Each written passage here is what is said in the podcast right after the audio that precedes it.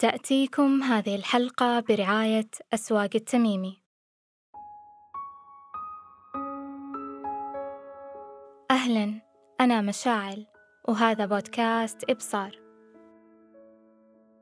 هلا diet البيض هو بالعبارة عن آه، diet قليل بالسعرات الحرارية قليل بالنشويات مليء بالبروتين وكمان مليء بالدهون الصحية النهارده هنتكلم على نظام رجيم جديد اسمه الصيام المتقطع أو ال intermittent fasting وده إنك بتصومي 16 ساعة وبتفطري بس 8 ساعات اليوم رح نحكي بشكل مبسط عن الكيتو دايت رضوى عايزين رجيم 16 8 اللي هو رجيم متقطع أو الصيام المتقطع intermittent fasting. The latest celebrity endorsed health craze is known as the T-Tox. The number one thing people ask me about is dieting.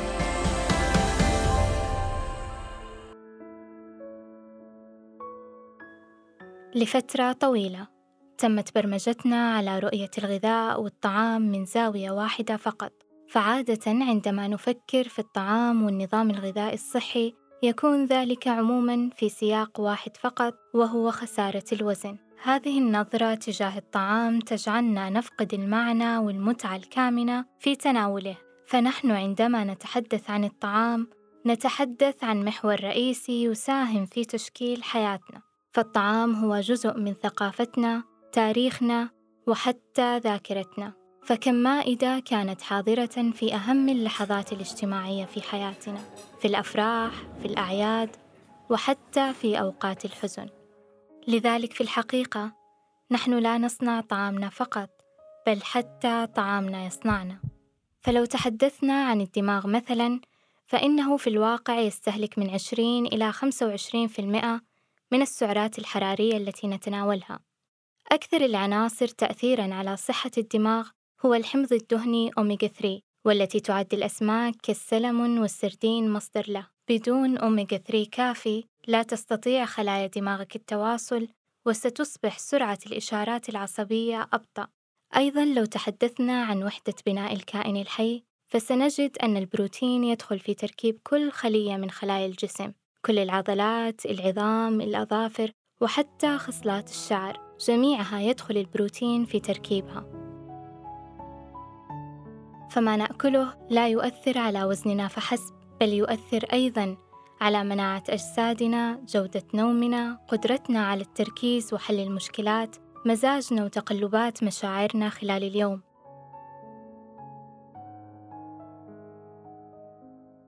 ولكن لابد أنك تتساءل الآن من أين تأتي علاقة الطعام بالشعور؟ تنبع العلاقة بين النظام الغذائي والمشاعر من العلاقة الوثيقة بين دماغك وجهازك الهضمي، فهل سبق وأن شعرت بالتوتر وأنت مقبل على اجتماع مهم أو مقابلة عمل، وانعكس هذا التوتر على معدتك؟ جهازنا الهضمي يؤدي وظائف كثيرة تتعدى حدود الطعام الذي نأكله وذلك لأن الأمعاء في أجسامنا تحتوي على ملايين الخلايا العصبية. لهذا السبب أصبح يطلق عليها اسم الدماغ الثاني كما يمكن أن تؤثر أعداد الميكروبات التي تعيش فيها ومدى تنوعها. على جهازنا المناعي قدرتنا على امتصاص العناصر الغذائية وإنتاج أهم الناقلات العصبية كالدوبامين والسيروتونين. الذي يتم تخزين 95% منه داخل الأمعاء ويلعب دور كبير في العديد من الوظائف الحيوية مثل النوم، تنظيم الشهية، الحساسية تجاه الألم وأيضًا الحالة المزاجية.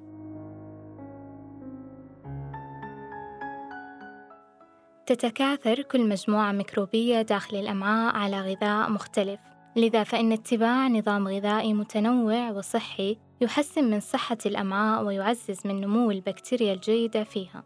فالذين يتناولون نفس الأغذية عادة تكون لديهم مجموعة فقيرة من الميكروبات المعوية.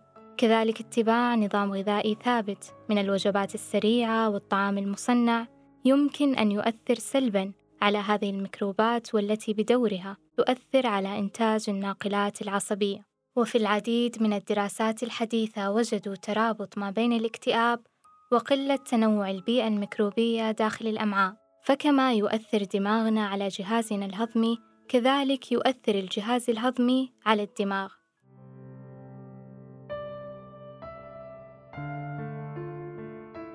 يبقى السؤال هنا كيف أحافظ وأحسن من صحة الأمعاء والتنوع الميكروبي فيها؟ تكمن الإجابة في تنويع المصادر الغذائية فبدلاً من تناول نوع واحد من الفواكه طوال الأسبوع غير وجرب أنواع أخرى. فإذا تناولت التفاح اليوم غدا جرب إضافة التوت أو الكيوي مثلا وهكذا. كلما كان غذائنا أكثر تنوع كلما انعكس ذلك على صحة أمعائنا وتنوع الميكروبات التي تعيش فيها. مرحبا فيكم جميعا. معكم رباب آل هنيدي. أعرف نفسي على السريع خريجة بكالوريوس علاج تنفسي وأعمل كمدربة رياضية وكصانعة محتوى في ال social media. كتبت كتاب ألف باء التغذية الرياضية واللي يناقش أساسيات التغذية الرياضية للحصول على جسم قوي ومثالي. اليوم أنا معاكم عشان أسولف معاكم عن التغذية. So, النصيحة الأولى اللي نسمعها من الآخرين إذا حبينا أن إحنا ننزل وزننا هي اقطع ال carb اقطع النشويات. هذه النصيحة اشتغلت مع ناس كثير ونزلوا وزن كبير باتباع هذه النصيحة لكن ما تعتبر نظام حياة نقدر نعتمد عليه لباقي حياتنا. ليش هذا النوع من ال diet يشتغل والناس تشوف منه نتائج؟ لأن النشويات تساعد في تخزين السوائل في الجسم. واحد جرام من النشويات يخزن بمعدل 3 إلى 4 جرام من الماء. فلما إحنا نقطع النشويات معناتها الماي مو قاعد يتخزن في الجسم علشان كذا نشوف النزول في الوزن. فخلال اتباعك هذا النظام بداية نزولك هو عبارة عن ماي وأملاح وسوائل مخزنة في الجسم ما هي دهون. واللي يصير إن الناس بمجرد ترجع تاكل carb إيش يصير؟ يرجع الجسم يعبي ماي وسوائل ويرجع يزيد الجسم وكأنه ما سوينا شيء. فاللي نبغى نسويه إن إحنا نضمن اتباع نظام غذائي يشمل العناصر الثلاثة المهمة اللي هي البروتين النشويات الدهون. بكميات تتناسب مع احتياجك ومع هدفك الرياضي. لما تعرف احتياجك بتفهم إن ترى أنا أقدر آكل نشويات وأحقق هدفي أنا أقدر آكل مصادر دهون وأحقق هدفي وأقدر آكل بروتين وباقي أحقق هدفي. ما أحتاج أحرم نفسي أي من العناصر الغذائية. على السريع عشان أراجع معاكم أهمية العناصر الغذائية.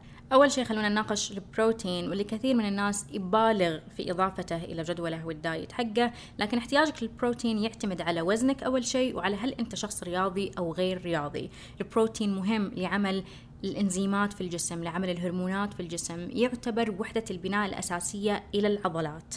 بعدين عندنا النشويات اللي الناس تخاف منه ويعتبر مصدر الطاقة الأول في الجسم عشان كذا تلاحظ أنك إذا اتبعت نظام غذائي منخفض الكربوهيدرات دايما تحس بالتعب والدوار والصداع والسبب إنه مخزون الطاقة عندك منخفض، كيف نعبي مخازن الطاقة عندنا؟ بتناول كمية نشويات كافية. أما ثالث مصدر عندنا وهو الدهون واللي تعتبر مضادة للالتهابات. الدهون لها تأثير سحري في علاج كثير من المشاكل الصحية في جسم الإنسان عشان كذا نلاقي نجاح وإقبال على نظام ال keto diet. وأنا مو هنا عشان أشجعكم على اتباع نظام الكيتو دايت بس أقول لكم أحد أسباب نجاحها هي أن الدهون تشتغل كمضادة للالتهابات. الناس اللي عندها مشاكل في القولون مشاكل في الجهاز الهضمي ممكن ينصحوها باتباع نظام عالي بالدهون لعلاج المشكلة. وأنا عارفة أن كثير من الناس عندها نظرة خاطئة إلى الدهون لما تسمع كلمة دهون كذا يجي في بالها السمنة الزيوت المهدرجة الزيوت الغير صحية. لا إحنا نتكلم عن الدهون الصحية مصادر الدهون الصحية زي المكسرات الأفوكادو زيت الزيتون وإلى آخره. فمن أكبر الأخطاء التي نقوم بها عندما نقرر اتباع حمية غذائية صحية خاصة إذا ما كانت بهدف إنقاص الوزن هو اتباع ثقافة الحرمان وتقليل سعراتنا الحرارية قدر الإمكان. مما ينعكس سلبًا على تنوع مصادرنا الغذائية، صحة جهازنا الهضمي، وسرعة عمليات الأيض. فعندما نتحدث عن اتباع حمية غذائية صحية أو متزنة، لا تكمن الفكرة في عدد السعرات، بل في مدى جودة هذه السعرات. فتأثير 100 سعرة حرارية من المشروبات الغازية لا يمكن أن يقارن بتأثير 100 سعرة من الخضار مثلاً. في الأخير نصايح سريعة رح أشاركها الناس اللي بدها تتبع نظام غذائي أو تحسن من تغذيتها. أول شيء اعرف أنه ما في نظام غذائي يناسب الجميع فحاول أنك أنت توجد نظام يناسبك يناسب حياتك. الشغلة الثانية إذا كنت تحس بضغط نفسي من موضوع أو معرفة الاحتياج اليومي معرفة السعرات الحرارية وزن الأكل كل يوم it's okay okay. أسهل طريقة بقول لك تتبعها أنك تستخدم اليد كمقياس لتقدير كمية الغذاء. مثلا قبضة اليد عندنا تعادل كمية النشويات اللي لازم تاكلها كل يوم. كف اليد يعادل حجم البروتين. حجم الإبهام يمثل حجم الدهون اللي أنت تاكلها.